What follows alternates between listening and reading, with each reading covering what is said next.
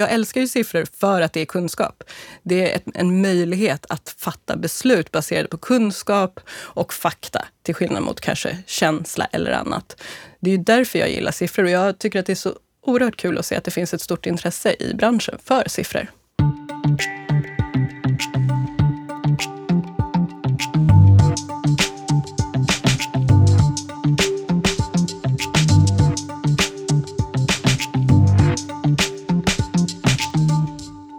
Henrik, Ted! hur är läget? Jo, men det är, det är bra, det måste man säga. Det är däremot väldigt mycket på alla håll och kanter, känns det som. Det, det ska hinnas med mycket under juni innan man äntligen får semester. Äntligen lägga benen på hyllan. Ja, eller lägga upp dem på ett tågsäte, det ska ju tågluffas. Ah, just det. För då är det brygga in till, du är ju inte ensam idag. Nej, det är ju dagens eh, gäst. Nej, vi får väl räkna in honom som dagens sidekick i alla fall. Eh, Love, eh, sommarlov. Ja, Är det skönt? ja, mycket. Och då får du hänga med till poddstudion. Ja, Det är fint här. ja, Har du gillat? jättemycket. ja, men det är kul att du gillar att hänga med pappa på jobbet. Ja, Det har varit många Jan där. Ja. Det är en positiv grabb du har. Ja. Just det. Eh, hur är det med din son Leo hemma då? Är det positiva tongångar inför sommaren där då? Ja. Ja.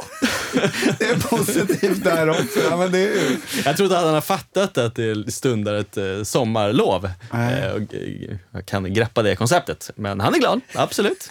God morgon pappa! Så har vi sex i morse. Så det bara... Greppa det konceptet. Ja.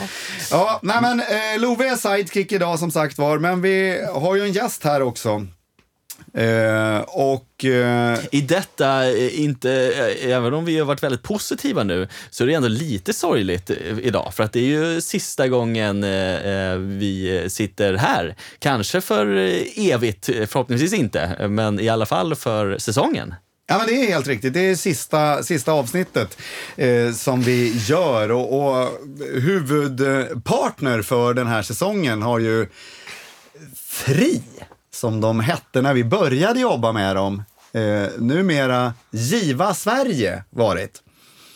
Och eh, vi var ju på ett siffermingel där som de hade. De bjöd in till det och folk svarade bam bom. Eh, Hundra personer minst dök upp i ett eh, rum för att eh, höra hur insamlingen hade sett ut år 2018. Och bland dem var ju som sagt vi, för vi var också väldigt intresserade av att höra. Ja, jag svarade ja på en gång. egentligen? Ja. Nej, jag tycker det var jättekul och jag, jag gillar ju siffror. Jag gillar det här. kombina- Jag är väldigt mycket magkänsla och, och gå på sådär. Det, det, alla som känner mig vet ju det.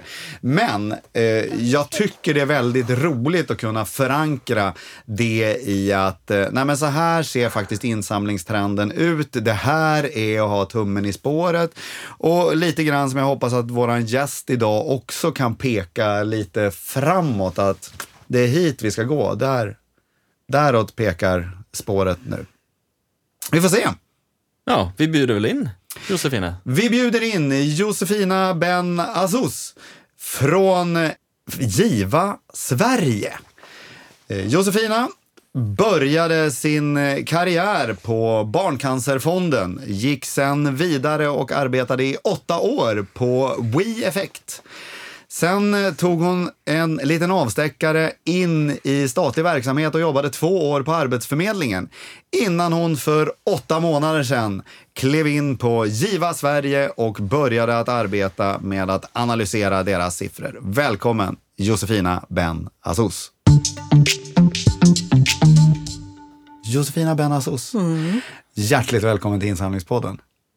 Det är ändå himla roligt att ha dig här. Det är sista podden för säsongen som vi kör. Ja, kul att vara här.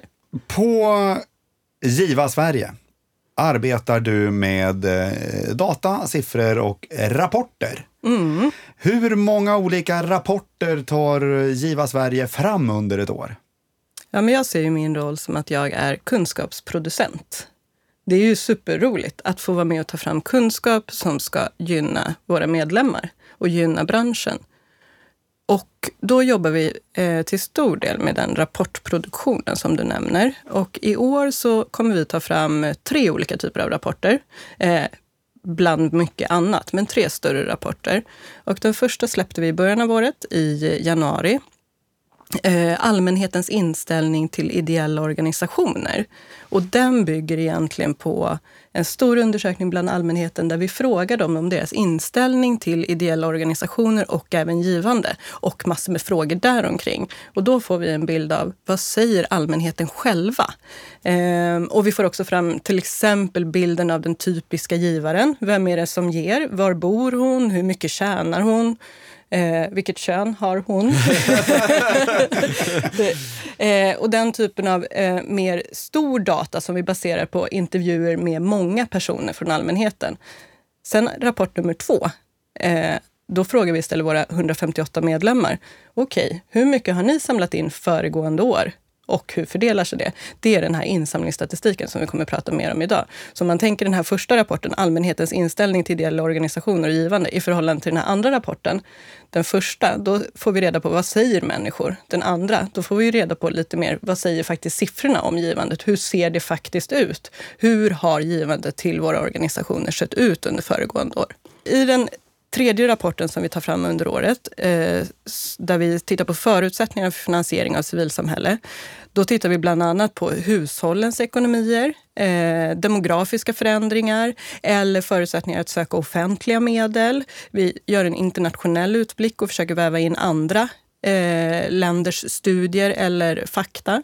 Eh, och vi tittar på till exempel data från Statistiska centralbyrån eller Sveriges kommuner och landsting. Så det är ett större grepp än att bara titta på insamlade medel. Och den ska ge de som läser en förståelse för förutsättningarna av finansieringen. Ehm, så det är de tre stora rapporter vi tar fram under året. Och utöver det så försöker vi också göra mindre undersökningar och mätningar som är relevanta för stunden. Och förutom det så tar vi fram eh, kunskap genom att eh, kika på omvärlden. Eh, hur ser det ut internationellt i insamlingssammanhang? Vi försöker bevaka och närvara på konferenser inom vårt område. Och eh, vi försöker också hämta hem relevant kunskap från forskningen. Från forskning som är relevant för vårt område. Ehm, mm. Och hur, eh, om du tittar framåt, eh, vad är visionen för, för analysdelen då? Mm. Ehm, vi kan säga att vi kommer fortsätta eh, producera, att producera kunskap är ett av våra huvudben. Det är en av de stora orsakerna. När vi frågar medlemmarna varför är ni medlemmar i IVA Sverige? Då är en av de största orsakerna för att ta del av kunskap. Så kunskapsproduktionen är oerhört viktig för våra medlemmar. Och där ser vi att mycket av det vi gör idag är i linje med det medlemmarna efterfrågar. Men det som vi också vill använda den här kunskapen till i ökad utsträckning, det är ju att vara en branschröst att tala för branschen och också arbeta med politiskt påverkansarbete i större utsträckning. Så det tror jag att vi kommer dels ta fram mer kunskap för att kunna använda som eh, att vara en branschröst och för att kunna använda i vårt påverkansarbete. Ehm, och så finns det ju väldigt mycket mer spännande eh, statistik och data som vi skulle kunna eh, jobba med. Jag tänker på att vi är en bransch, eh, så som många andra branscher. Ni kan tänka er fastighetsbranschen eller eh, plåtslagarbranschen? Plåtslagarbranschen. Kanske att plåtslagarbranschen har ett plåtslagarindex, jag vet inte. Många branscher har index för att följa utvecklingen över tid och också kunna jämföra sig med andra relevanta aktörer. Vi har ju liksom kommit en bit på vägen där, men vi är inte där. Det finns mycket mer vi skulle kunna göra och det är flera medlemmar som också säger det till oss, att vi vill ha mer data. Vi vill att ni ska jobba mer med att samla data från oss, sammanställa och få fram en branschstatistik. Så det ser jag också att vi kommer växa. Och det som vi har börjat med under egentligen föregående år, eh, på uppdrag av ett antal medlemmar så började vi jobba med att ta fram mer statistik. Den här statistikrapporten som jag nämnde att vi släpper en gång om året, den släpps ju som sagt var en gång om året och den har en fördröjning på ungefär ja, men det är ju 16 månader som mest. Den släpps i april, året efter som datan gäller. Och det kan man ju tänka att, men hur relevant är det här? Jag behöver mer agerbar information. Den är superrelevant den här rapporten, för det säger någonting om de stora trenderna och den stora utvecklingen. Men vissa organisationer behöver ju ha ett redskap i sitt arbete som de kan jobba med. Vad händer nu? Vad händer i förhållande till den där händelsen i omvärlden till exempel? Så där har vi påbörjat ett arbete där vi jobbar med nyckeltal för insamling. Det handlar om att vi kvartalsvis samlar in data från organisationerna för att sammanställa lite snabbare, lite mindre omfattande statistik som ska visa på utvecklingen av insamling. Så det tror jag kan bli superspännande. Tänk er att vi skulle ha ett gåvoindex. Det vore ju jättekul, tänker jag, och väldigt användbart. Så dit är vi på väg. Vi är absolut inte hemma idag. Vi, vi är liksom, eh, på väg mot att skapa ett branschindex möjligtvis, eller några andra relevanta nyckeltal som vi och våra organisationer kan använda i sitt utvecklingsarbete. Eh, används de här rapporterna i stor utsträckning på organisationerna, känner ni? Vi, vi tar fram rapporterna för våra medlemmar mycket för våra medlemmar, men också för andra intressenter. Det kan vara att vi vill upplysa allmänheten eller vi vet att allmänheten har ett intresse av vissa frågor. Men framför allt för medlemmarna. Och det finns ett stort, eh, eller jag upplever i alla fall att det finns ett stort intresse. Det finns en efterfrågan på dem. Eh, inför rapportsläpp, varje gång vi tar fram en rapport så har vi en rapportlansering där vi bjuder in alla medlemmar och andra intressenter att ta del av resultatet. De senaste gångerna så har det blivit fullbokat och alla har inte kunnat komma som skulle vilja. Så det visar ju på ett stort intresse. Vi var ju där på sifferminglet. Det var fullsatt. Det var fullsatt och vi var oerhört intresserade. Vi gillar ju siffror och nörda. Absolut. Och vi var inte ensamma om att gilla det. Nej, precis.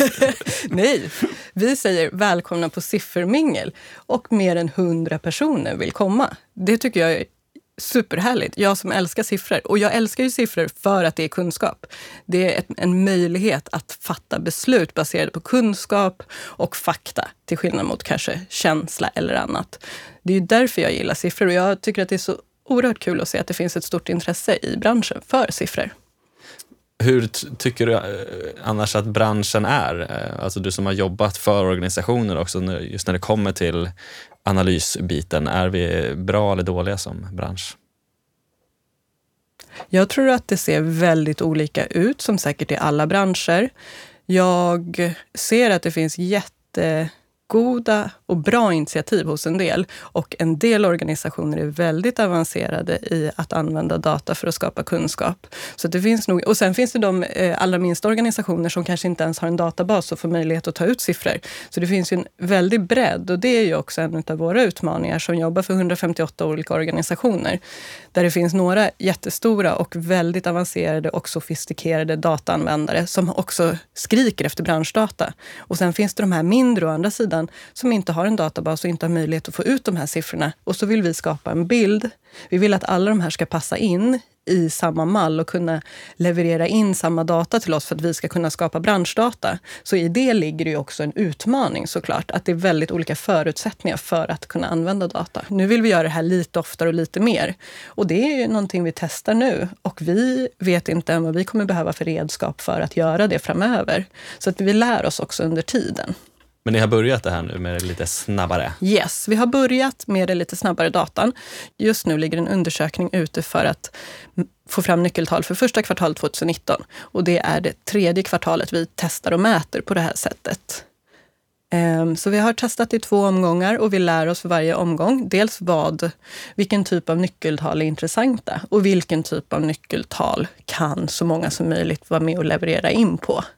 Ehm, och hur, det viktiga också, hur ska vi presentera den här otroligt spännande datan som för mig bara, wow, det här är ju guld, det här ska vi använda.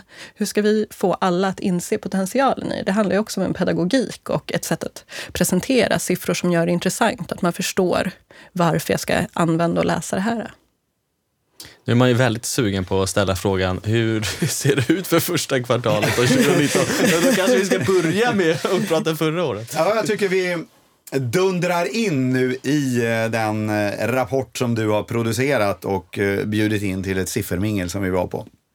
Där vi presenterade den. där trenden är väl en avmattning lite grann av insamlandet, om jag förstår det. Är det den trend, ska man läsa det så? Vad bra att ni var på Sifferminglet. Superkul att ni var där och lyssnade. Eh, ja, men precis. Det, än är det lite för tidigt att prata om trender skulle jag säga. Det vi ser för, av siffrorna för 2018, det är, det, det, är en avstanning, men vi vet inte än om det är en trend. Eh, tidigare har insamlingen i snitt, om, om man tittar på de senaste tio åren, så har insamlingen ökat med i snitt 8 procent om året. Medan för 2018 så ser vi en väldigt, väldigt liten ökning på, jag tror att det är 0,3 procent. Marginell. Marginell ökning. Jag älskar att säga att det är en marginell ökning. Men ändå en ökning. Ja, men den är marginell. Men som sagt, jag skulle inte våga prata om trender än. För det här är det första året vi faktiskt ser den här avmattningen. Så då får vi ju se om det här gäller ett enstaka år eller om det faktiskt är någonting som kommer fortsätta utvecklas åt det hållet. Men i det här så var det väl också eh, att gåvorna ökar ändå från allmänheten. Om man, eh, men inte, eller det var testamenteringen som var, det var eh, höga testamenten mm. förra året mm. som gjorde att det eh, sköt lite höjden där. Så det, det kanske var lite uppumpade siffror också förra året. Det kan hända, eh, men precis, du säger en viktig sak där. Det är att givandet från allmänheten fortsatte öka. Givandet från allmänheten ökade med ungefär 3 procent, vilket är liksom, det fortsätter sin kurva. Så det finns inga tecken på att allmänheten in, eh, är mindre givmilda. Och det är ju superpositivt att se. Eh, det vi ser är att företagen och även Postkodlotteriet till viss del har minskat sin insamling under 2018. Så det är liksom de stora dragen. Totalt så samlades det in 8,8 miljarder under 2018. Det är en väldigt stor siffra. Utav de här 8,8 miljarderna så stod allmänheten för över 60 procent. Ehm, så att, att allmänheten fortsätter vara givmilda är viktigt för oss att ta med oss. Och det, det såg vi också i den här januariundersökningen där vi frågar allmänheten om deras inställning till ideella organisationer. Så såg vi där också stabila siffror på att det är lika många, det är sex av tio som uppger att de har skänk. Det är åtta av tio som har en positiv inställning till ideella organisationer. Så det tycker jag är superviktigt att ta med oss av det här. Att det är möjligen en avmattning i total insamling, men allmänheten fortsätter att öka. Sen har ni gjort en fördelning, att ni, det är eh, gåvor från allmänheten och sen så är det testamenten och minnesgåvor som mm. är särskilda. Varför just de? Mm, ja. eh, testamenten särskiljer vi för att det är oftast väldigt speciella gåvor. Det är oftast väldigt stora gåvor som påverkar det totala resultatet mycket. Eh, testamenten står för ungefär 12 procent av insamlade medel. Och skulle vi baka ihop det i den här klumpsumman med allmänheten så skulle det kunna skapa liksom en skevhet i statistiken eller skulle vara svårt att förstå vad som händer för att testamentsgåvorna slår så hårt i och med att de ofta är så stora. Så därför väljer vi att lyfta ut dem också. Och det är, det är en speciell typ av insamling. Att jobba med testamenten, precis som Rebecka pratade om i förra avsnittet, är ju en väldigt speciell typ av insamling och har inte så många likheter med övrig insamling. Så jag tror absolut på relevansen att lyfta ut det. Tittar vi däremot på minnesgåvorna, som du också nämner, står för 3 procent av total insamling eh, så har vi av tradition lyft ut dem från allmänhetens insamling för att följa utvecklingen av just minnesgåvor. Ehm, Möjligen att man idag skulle kunna övergå till, det här handlar ju om en utveckling av den här statistiken också. Det som jag skulle se skulle vara relevant att följa, det är ju den här typen som jag kallar för vän-till-vän-insamling eller peer-to-peer-insamling, där, där man skänker på uppmaning av en närstående. Och det är ju minnesgåvor en typ av. Sen finns det andra sådana typer av vän-till-vän-insamling, till exempel att skänka en gåva till sin väns födelsedagsinsamling via Facebook eller skänka en högtidsgåva i samband med att man ska gå på en 60-årsfest eh, till exempel. Eh, och där ser jag att det kanske är så att det är den typen av insamling vi specifikt ska lyfta ur allmänhetens insamling framöver. För att följa minnesgåvor bara när det är en så pass liten del av total insamling kanske inte är helt relevant. Nej, men där, där håller jag ju med om att peer-to-peer -peer är ju, och, och liksom breddar och få med hela den delen känns ju mer relevant. Mm. Sen ett önskemål från insamlingspodden är ju om man kunde bryta ut månadsgivandet. Mm. Eh, för det känner ju jag är den stora diskussionen på organisationer. Hur ska vi få fler månadsgivare? Mm. De har så många mm. månadsgivare. Eh, har vi mm. månadsgivare? Nej, men liksom, så att man, man får en koll på, på den och, och kan sätta det i sitt sammanhang. Jag håller helt med dig. För utav Vad härligt. ja, Hon utav håller den, med oss. Och du hör, vi älskar ju siffror. Vi vill ha mer. Ja, ja, ja, gud vad härligt. Jag älskar när man vill ha mer siffror. Men eh, utav de här 4,4 miljarderna från allmänheten, eller drygt 4,4 miljarderna är det, så är ju månadsgivarna en stor del, kan vi anta. För vi vet att många organisationer har en stor del av sin insamling från allmänheten genom Ja, månadsgivande. eller, för, för är det verkligen så? Precis, och det skulle vi möjligtvis vilja veta. Idag, eh, i, Det ha här, reda på. i de här uh, nyckeltalsrapporterna som jag berättade om, som kommer ut kvartalsvis, där särskiljer vi det, som vi kallar för engångsgåvor från kontraktsgåvor.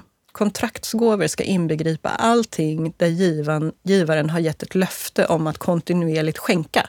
Alltså månadsgivande eller månadsgivande via kreditkort eller månadsgivande Ja, ja, via ja, sms. Eller som, det ska ju komma via eh, Swish nu också, månadsgivande via Swish. Så där i nyckeltalsrapporteringen som sker kvartalsvis så kan du se fördelningen av kontraktsgåvor och engångsgåvor. Spännande, det är där vi har den. Yes. Det är där vi har den. Ja, men och sen har vi, eh, det har, vi halkat in eh, minst två eh, avsnitt den här säsongen på brevet också, och brevets betydelse. Och det skulle man också gärna vilja se. Vad, hur, liksom, hur, vilka organisationer jobbar mer digitalt och vill vara mer traditionellt med brevet och hur stor del ja, av kakan är, eh, kommer från olika typer av kanaler också. Jag ser en enorm utvecklingspotential i det här nyckeltalsarbetet som vi har börjat med. Och det är vi har ju börjat med det på efterfrågan från medlemmarna. Och från början så hade, det här var innan min tid, men då fanns det stora ambitioner kring vad vi skulle fråga för frågor. Vi skulle fråga om hur mycket som kommer in via DR, hur mycket kommer in digitalt, hur mycket kommer in från kontraktsgåvor, hur mycket kommer in från engångsgåvor, hur många givare har ni, hur rör de sig i registret, hur många faller ut och hur många kommer in. Det finns ju hur mycket som helst vi skulle kunna jobba med. Nu i starten med det här nyckeltalsarbetet så har vi börjat med det minsta gemensamma.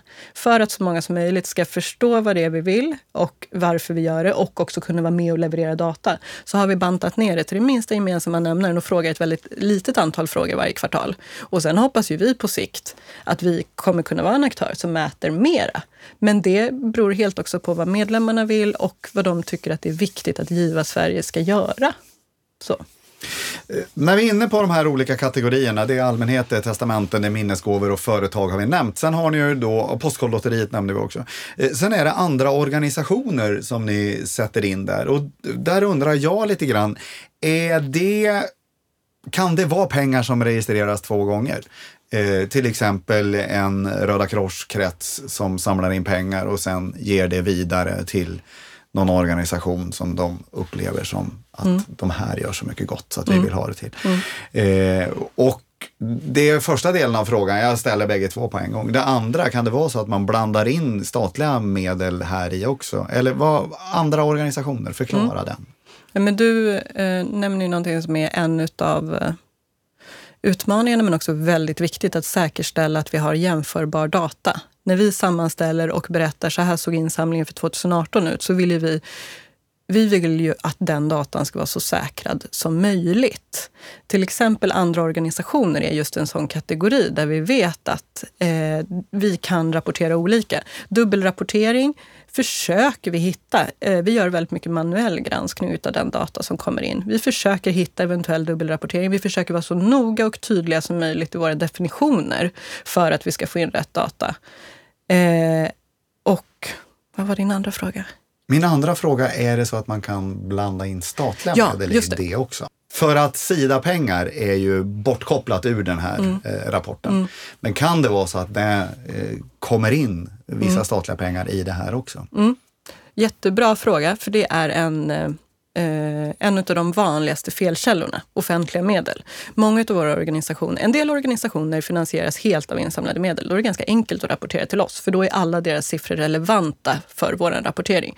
Andra har ju en bredd i sin finansiering och många har offentliga medel. Och de offentliga medlen kan ju komma från olika håll. Det kan komma eh, direkt från en kommun eller en region. Det kan komma från Sida som de flesta tänker omedelbart att det här är statliga medel. Det kan komma från Sida till Forum Syd, till organisationen. Aha, men vad är det Giva Sverige vill att vi rapporterar nu då? Så där är det verkligen en definitionsfråga. Vi försöker vara så tydliga som möjligt. Vi gör också en stor manuell granskning där vi jämför organisationens rapporterade siffror mellan åren och ser vi några ovanligt stora förändringar så säkerställer vi det genom att prata med organisationen. Men det är ett stort jobb att kvalitetssäkra datan såklart. Men just statliga medel skulle jag våga säga att vi har jobbat mycket på att rensa bort faktiskt. Eh, och utav de inrapporterade eh, siffrorna så kanske det fanns en del statliga medel från början, men där vi har jobbat med att eh, eh manuellt granska det för att få bort det. Men om man backar lite och tittar på rapporten. Det var som sagt 8,8 miljarder eh, insamlade medel. Eh, men det är ju inte alla eh, pengar som samlas in. Hur många eh, organisationer med 90-konton är inte medräknade och liksom hur, även om eh, ni kanske inte har exakta, men, men hur eh, ungefär ser helheten ut med högskolor inräknat och så vidare? Ja. Det skulle jag jättegärna vilja veta. Eh, bra att du ställer den frågan. Våra siffror, insamlingsstatistiken, eh, visar på vad FRIs medlemmar Giva Sveriges medlemmar har samlat in föregående år. Och som du säger är det absolut inte, det är inte en panoramabild av givande och engagemang i Sverige. Och den panoramabilden vill jag bidra till att vara med och skapa. Den vill vi på Giva Sverige bidra till att vara med och skapa. Men det som vi visar i den här rapporten är det som är insamlat till våra medlemmar. Vi vet att det står för nästan 80 procent utav insamlade medel till alla 90-kontoorganisationer. Så att det, är, det ger en bra bild av insamlade medel till ideell sektor i Sverige. Men precis som du nämner så har vi ju, det sker massor med insamling utav gåvor i övriga delar som inte är till ideella organisationer. Och det är också någonting som vi nog ska titta mer på, tänker jag, i ideell sektor, vi som jobbar med insamling. Vi ska nog snegla mer på de här andra aktörerna. Och det kan ju vara allt ifrån högskolor och universitet till sjukhus, till kulturinstitutioner eller personliga privata initiativ där man crowdfundar till ett visst ändamål. Det är någonting som möjligtvis växer, det vet jag inte. Eh, men som, där det också samlas in väldigt mycket pengar som ligger helt utanför den här statistiken.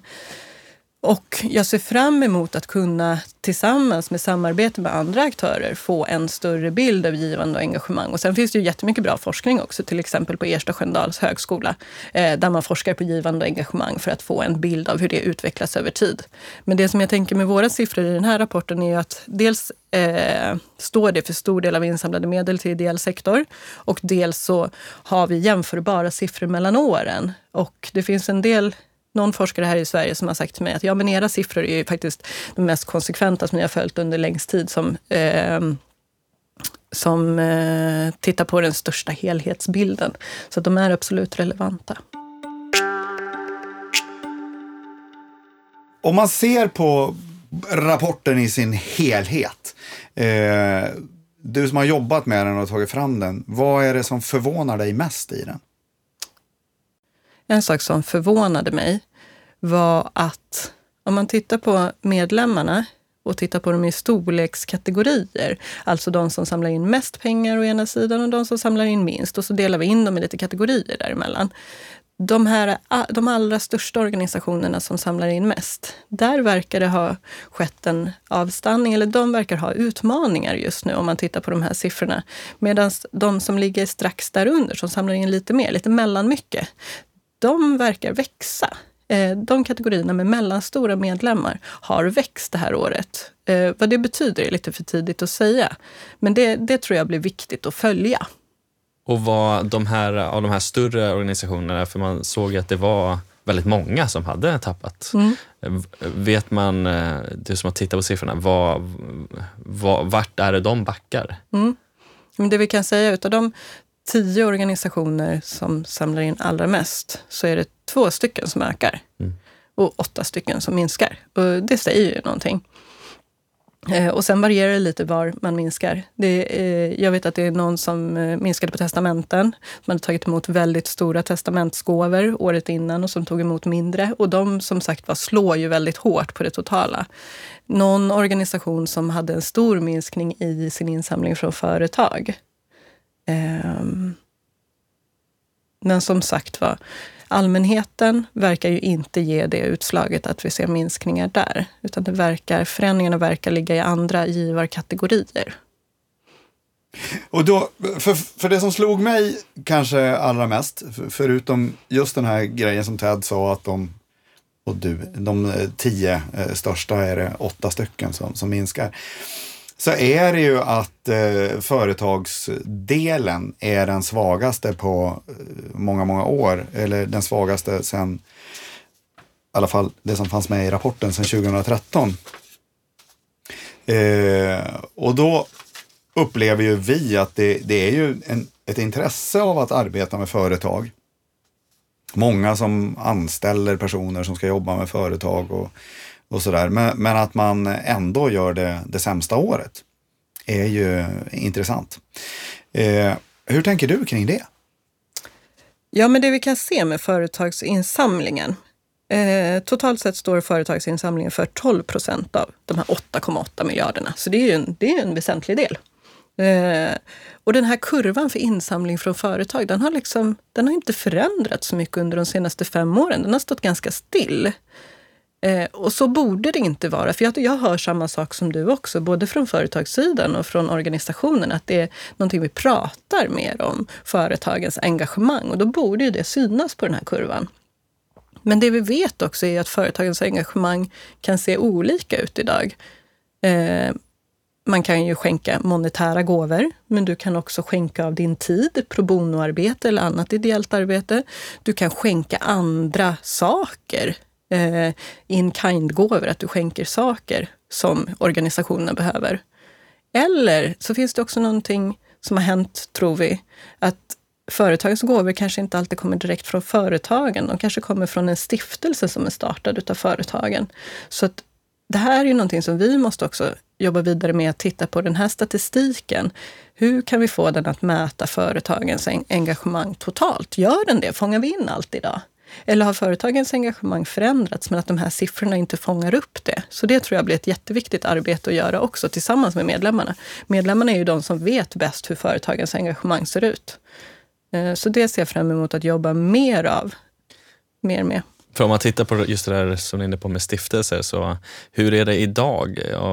De här stora, H&M Foundation till exempel, de pengarna räknas om som en stiftelse då och inte företag? Mm. Det var precis en sån grej som vi blev tvungna att manuellt jobba lite mer inför den här statistikrapporten, för att vi såg stora skillnader i några stora organisationers rapporteringar. Och då visade det sig att man hade gjort olika mellan åren. Att ett Eh, storföretagsstiftelse hade ena året rapporterat som ett företag och nästa år som en stiftelse. Så det här måste vi ta ett grepp om och, och försäkra oss om att vi åtminstone gör på samma vis varje år, så att vi vet vad det är vi följer. Det är ju det viktigaste, så att vi får jämförbara siffror och relevanta siffror och så att vi förstår de förändringar som sker. Den här företagskurvan skulle jag säga att vi vet nog inte riktigt varför den ser ut som den gör. Eh, vi behöver ta ett grepp om företags engagemang och förstå hur det ser ut och hur vi kan mäta det. Och där är just eh, sådana här foundations som eh, företag sätter upp och, och, var de ska bokföras. För det är ju det sätt som, som företag ofta, skulle jag vilja säga, investerar pengar i, i vår bransch eftersom fler och fler och framförallt startups som, som redan i sin liksom när man bestämmer sig för att vi ska dra igång det här företaget så ska en del av omsättningen eh, gå in i mm. deras egen foundation och de pengarna ja, ska sen tillfalla just det här ändamålet. Och då, det var ju faktiskt i vår första podd som vi pratade lite grann med Charlotte om det. Eh, det problem som vi organisationer får när de vill skänka direkt till den verksamhet mm. som finns. Även fast den kanske drivs ifrån Sverige, så varför ska pengar som, som då eh, samlas in i ett land där man har kontoret eh, och där man även vill hjälpa till, eh, varför ska de gå via ett kontor i Sverige? Ja, men det här med företagens engagemang och olika typer av engagemang tror jag verkligen är någonting som vi ska titta närmare på. Jag tror att det händer väldigt mycket där också. Vi hör ju om eh, entreprenörer, sociala entreprenörer, sociala företag som har en allt viktigare roll. Eh, regeringen har tagit fram en strategi för sociala företag för att man ser att de är en aktör som kommer ha växande betydelse för att lösa våra komplexa samhällsutmaningar. Och vad innebär det för ideell sektor och våra samarbeten med företag? Och hur kan vi lyfta blicken och komma ihåg vad är det vi jobbar med och inte fastna i vem som ska vara utförare. För det är just det som är risken med att vi, om vi tittar på tapp på företagsgåvor, har det någon betydelse om företagen faktiskt engagerar sig, men på ett annat sätt? Det vi alla alla våra 158 medlemmar är ute efter är att vara med och lösa specifika problem och utmaningar. Ehm, och sen vem som gör det kanske inte alltid är det viktigaste. Men nu kommer vi in på en helt annan fråga som vi kommer lyfta i höstens rapport. där vi pratar om förutsättningar för finansiering av civilsamhälle. Då är det här jätteviktigt att titta på. Hur ser företagen på det här? Så vi kommer göra en, eh, vi gör en djupdykning i just företagens engagemang och vi kommer göra en undersökning bland företag för att förstå bättre hur de tänker kring de här frågorna. Så att det vill vi jättegärna återkomma till i höst och berätta om. Vilken det... snygg brygga in. Mm.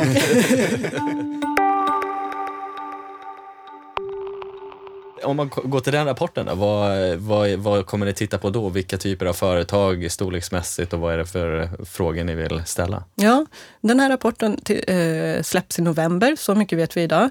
Nu är vi i början av juni, så vi är precis i uppstarten av eh, planeringen. Och vi vet så mycket som att vi kommer göra en djupdykning i företagens engagemang. Vi har gjort det en gång tidigare, 2015, så det blir också väldigt spännande att kunna göra en del jämförelser med hur det såg ut då. Och det vi vill förstå är säga nu preliminärt i alla fall, är ju drivkrafterna bakom företagens engagemang och vi vill också förstå om det sker några förändringar där inom. Eh, och sen får vi nog återkomma med mer när det närmar sig. Vi har kommit längre i det arbetet. Och vi... Ja, nej, jag stannar där. Det är för mycket planeringsstadiet. Jag förstår. Mm. Nej, men det är ju ändå det är ju en intressant problematik just kring företagen och det som du är inne på, det, dels med det här med socialt entreprenörskap, att det är företag som, det är vinstdrivande företag, men hela deras affärsidé är på något sätt att göra gott och nytta. Mm. Mm. Och det är ju inte insamlade medel, men det är ändå pengar som hjälper så att mm. säga. Och också hur man jobbar med stiftelser, inte bara de här stora eh, IKEA och H&M utan som Henrik var inne på, så många startups idag, även om de inte bygger på socialt entreprenörskap i, i liksom själva affärsidén, så har man alltid liksom en stiftelse i grund och botten som man börjar med och som man också eh, avsätter vinsten till. För det där tycker jag är så intressant med de här människorna som, som startar det.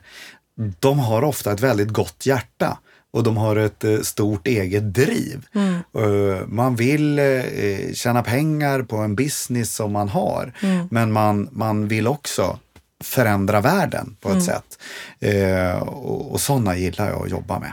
Ja, men det kan ju vara någonting också tänker jag. För när vi tittade för något år sedan eller så, så tittade vi på den generation som man kallar för generation Z ibland. De som är födda i mitten av 90-talet ungefär. Eh, och vad deras drivkrafter och hur de vill göra gott ser ut. Och då såg man ju att de är eh, otroligt engagerade. Men de kanske inte är engagerade i det klassiska eh, civilsamhället eller ideella sektorn. Man kanske inte sitter på ett årsmöte eller är med i en styrelse i sin lokala förening. Engagemanget kanske genomsyrar all, alla ens aktiviteter. Det genomsyrar hur jag konsumerar. Det genomsyrar mitt arbetsliv. Jag vill ha en arbetsgivare som gör gott och tar ansvar. Så att att engagemanget för företagen ser annorlunda ut. Det kanske är en utveckling av det, men det behöver absolut inte vara ett problem, utan snarare en enorm tillgång att unga människor verkar vilja engagera sig. Och hur tar vi då tillvara på det? Um, ja, jag går igång på det här med sociala företag. Jag tycker det är superspännande. Mm. Men det får du eh, rapportera om i höst. Mm. Det känns som att du, eh, du kommer bli en av våra eh, såna här ständiga gäster. Du kan till slut bli en sidekick och sitta här och liksom hänvisa till den rapporten och den rapporten. Och... Vi kommer så gärna igen. Men vad roligt. Ja. Men Josefina, du jobbar med siffror och allt sånt där, men säger att du när du gick in i den här branschen så var det för att du brann för den. Vad är det som du brinner för? Vad brinner du för? Ja, vad brinner jag för? Eh, jag är ju otroligt intresserad av samhällsfrågor generellt. Och det som liksom gör att jag trivs så bra med den här rollen är ju att jag är en av de här tre delarna som ska lösa våra samhällsutmaningar. Det offentliga, det privata och det ideella. Och jag är väldigt intresserad av hur vi kan samverka och lösa saker tillsammans. Så jag tror ju att ideell sektor har ju en oerhört viktig roll i att eh, lösa komplexa samhällsproblem. Så det är, liksom, det är det som gör att jag tycker att det är kul att arbeta med de här frågorna, att jag ser vår roll i det stora hela. Men sen tycker jag också att eh, fakta och kunskap är jätteviktigt. Därav sifferintresset. Så att eh, på ett sätt brinner jag för siffror, men det gör jag egentligen inte, utan det är ju den där kunskapen som man kan utvinna genom siffror som jag brinner för. Vart går gränsen? Och vem kan man ta emot pengar ifrån? Kan man ta emot från vapenindustrin? Kan man ta emot pengar som kommer från snus och sprit? Kan man ta emot pengar som kommer ifrån chips? Från eh, pälsar? Vart går gränsen för dig, Josefina? Just det. Jag hörde någon som nämnde godis som exempel också, apropå socker. Eh, men jag tänker att det är jättebra att ni ställer den här frågan, för det allra viktigaste är ju att var och en, eller var och en av organisationerna har tänkt efter eh, innan det inträffar. Att man har tänkt kring den här frågan inom sin organisation och skrivit ner sina ställningstaganden i en insamlingspolicy till exempel. Eh, det viktiga är att vara förberedd och att ni ska ha tagit ställning innan ni faktiskt står där inför den här eh, möjligen tveksamma gåvan. Um, och det jag skulle vilja tillägga där också, när man tänker på vilka vi tar emot pengar ifrån, att jag tänker att det är superviktigt att vi alla höjer blicken och funderar på vilket ansvar vi har för helheten och inte bara för insamling till vår organisation.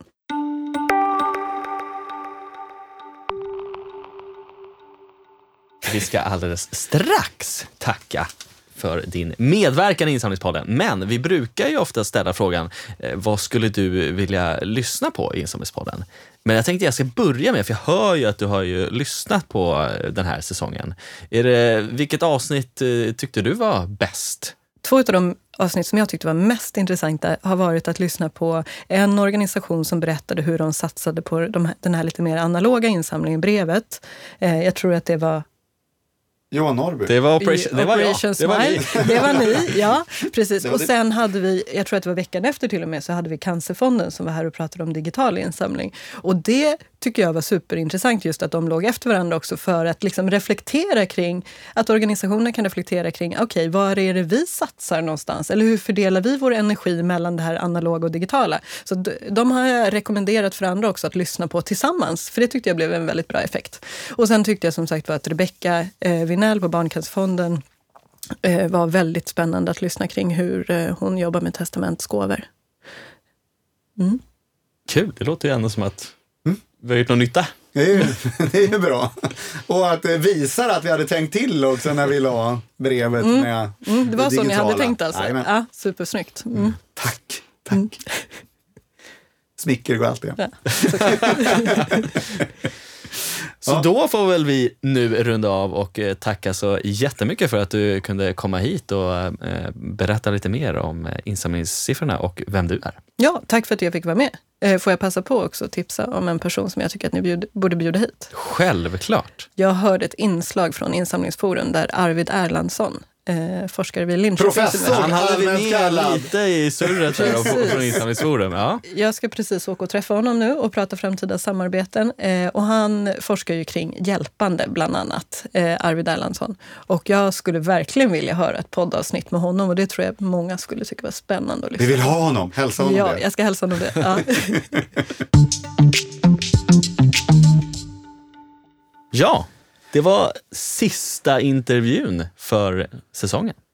Ja, det var ju det. Där gick Josefina ut. Vi har ju fina glasrutor här i, i studion där vi ser, så vi ser henne gå iväg där. Ta cykeln tillbaka till, till Drottninggatan. Eh, bra, bra surr som vi säger i poddvärlden tycker jag att det var. Men för mig hänger det liksom kvar den här företagsdelen. Eh, jag kände jag hade kunnat fortsatt prata där väldigt länge. Eh, just när men trenden att det ligger still och hur de räknar med, med foundations och stiftelser och, och, och sådana där saker. Och det kopplat till det du och jag jobbar med, det vi kallar det är fint att ge och det är fint att ge pengen. Vad, vad kände du? Ja, nej men eh, om man är inne på det företagsområdet så är det som du säger, den är väldigt komplicerad. Hur räknar man egentligen företagens engagemang? Eh, för det är ju dels det här vi var inne på med att företag startar stiftelser och då räknas det inte som eh, företag längre helt plötsligt, även om det är ett företag.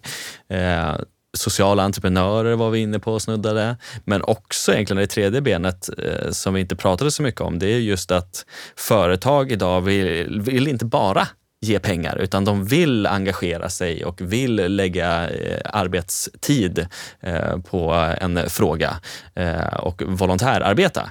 Men det är ju inte alltid det vi vill och efterfrågar. Så där har ju också vi ett liksom ansvar som, som bransch att va, va, leda in vad är det vi behöver ha hjälp med. Ibland är det ju såklart att via gifts in kind eller, eller så, men, men många gånger så kanske pengarna är mycket mer värda för oss och då måste vi stå upp för det. Ja, precis. Och, och du och jag, både tillsammans och var och en för sig, har ju jobbat med alla de här tre delarna kan man säga och, och, fått ihop det till en helhet och en årscykel som gör att företag, ja men man företaget själva går in med pengar, att personalen själva jobbar med att samla in pengar, men också att personal jobbar och gör insatser i eh, den verksamhet där det verkligen behövs. Men vi har ju väldigt mycket pratat om det här, det är fint att ge pengen och en peng som vi känner att eh, den finns där ute.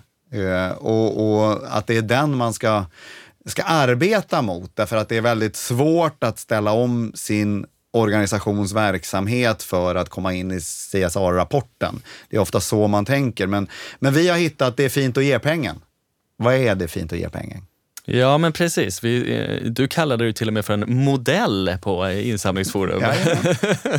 Ted och Henrik har en modell som går ut på det fint att ge pengar. Ja, precis. Nej, men, och den grundade sig egentligen, vi eh, tog utgångspunkten privatpersoner. Att man har sina inkomster, man har sina eh, utgifter.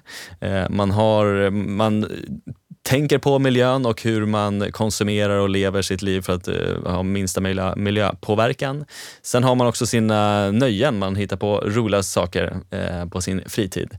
Men sist men inte minst uh, så vill man också bidra till en bättre värld och brinner för en fråga eller en organisation eller flera. Och det är där vi som bransch kan komma in och möta det. Och precis så fungerar ju även företagen. De har ju också sina inkomster och utgifter. Man tänker på hur man som företag påverkar eh, både miljö och eh, människor. Man har sina julbord och roliga aktiviteter för företagen, men sen så vill man också i slutändan många gånger göra något bra, något gott som i, sen i förlängningen såklart också blir en del av affärsidén. Alltså, gör man det riktigt bra så kan man ju oftast också rekrytera bättre personal, få dem att vara kvar längre och också sälja fler produkter. Fasen vad du sammanfattade det fint att ge pengen. Bra! Tack! Det, det här vill vi prata mer om naturligtvis. Eh, och eh, kanske om det blir en säsong två får vi göra en hel podd där vi bara sitter och surrar om den här grejen. Eller så bjuder ni in oss till er organisation så kommer vi att prata om det fint att ge pengen med er där. Men eh, som sagt var, det här är avslutet eh, för den här säsongen. Vad är ditt starkaste minne? Är det fegt av mig eller gör jag det för svårt för dig om jag säger att du ska ta ut en del, Ted? Ja, men, eh, när vi pratade första avsnittet så tror jag eh, att jag såg fram emot... Jag tror jag sa att jag såg fram emot just det här mötet med, med personer och eh, utbytet av kunskap och erfarenhet. Och så har det ju varit. Sen så är det ju kul med saker som man inte tänker på skulle hända, men som har hänt längs vägen. Eh, då tänker jag på den händelsen som sticker ut för mig kanske då. Det är just eh, att vi fick ett mejl från Per Stenbecks dotter som eh, var ett väldigt fint skrivet där hon tyckte att det var ett himla fint avsnitt vi hade med hennes pappa och att hon inte riktigt hade förstått storheten i hans karriär som kan vara svårt ibland när det är ens egen pappa. Så att det är väl sådana små grejer skulle jag vilja säga som sticker ut som jag inte hade tänkt på innan. Nej, det var ju superfint. Mm. jag eh, tog till lipen lite grann. Eh, och jag, det, det var ju ett drömavsnitt att göra det där med Per. För mig skulle jag nog faktiskt vilja säga att eh, det vi kallade för testamentesavsnittet var nog det som, som rörde mig mest och där jag lärde mig mest. Eh, jag tyckte att Rebecka var en eh, fantastiskt fin människa eh, som förklarade både hur man gör för att samla in mer pengar på, på aggregera testamentesinsamlingen. Men samtidigt hade ett så enormt stort hjärta och pratade om de här pengarna som verkliga kärleksgåvor och sådär. Det var, var något som grep tag i mig eh, och eh, verkligen har, har följt mig sedan vi gjorde den där intervjun med henne. Mm. Man får lyssna igenom hela säsongen nu i sommar känner jag.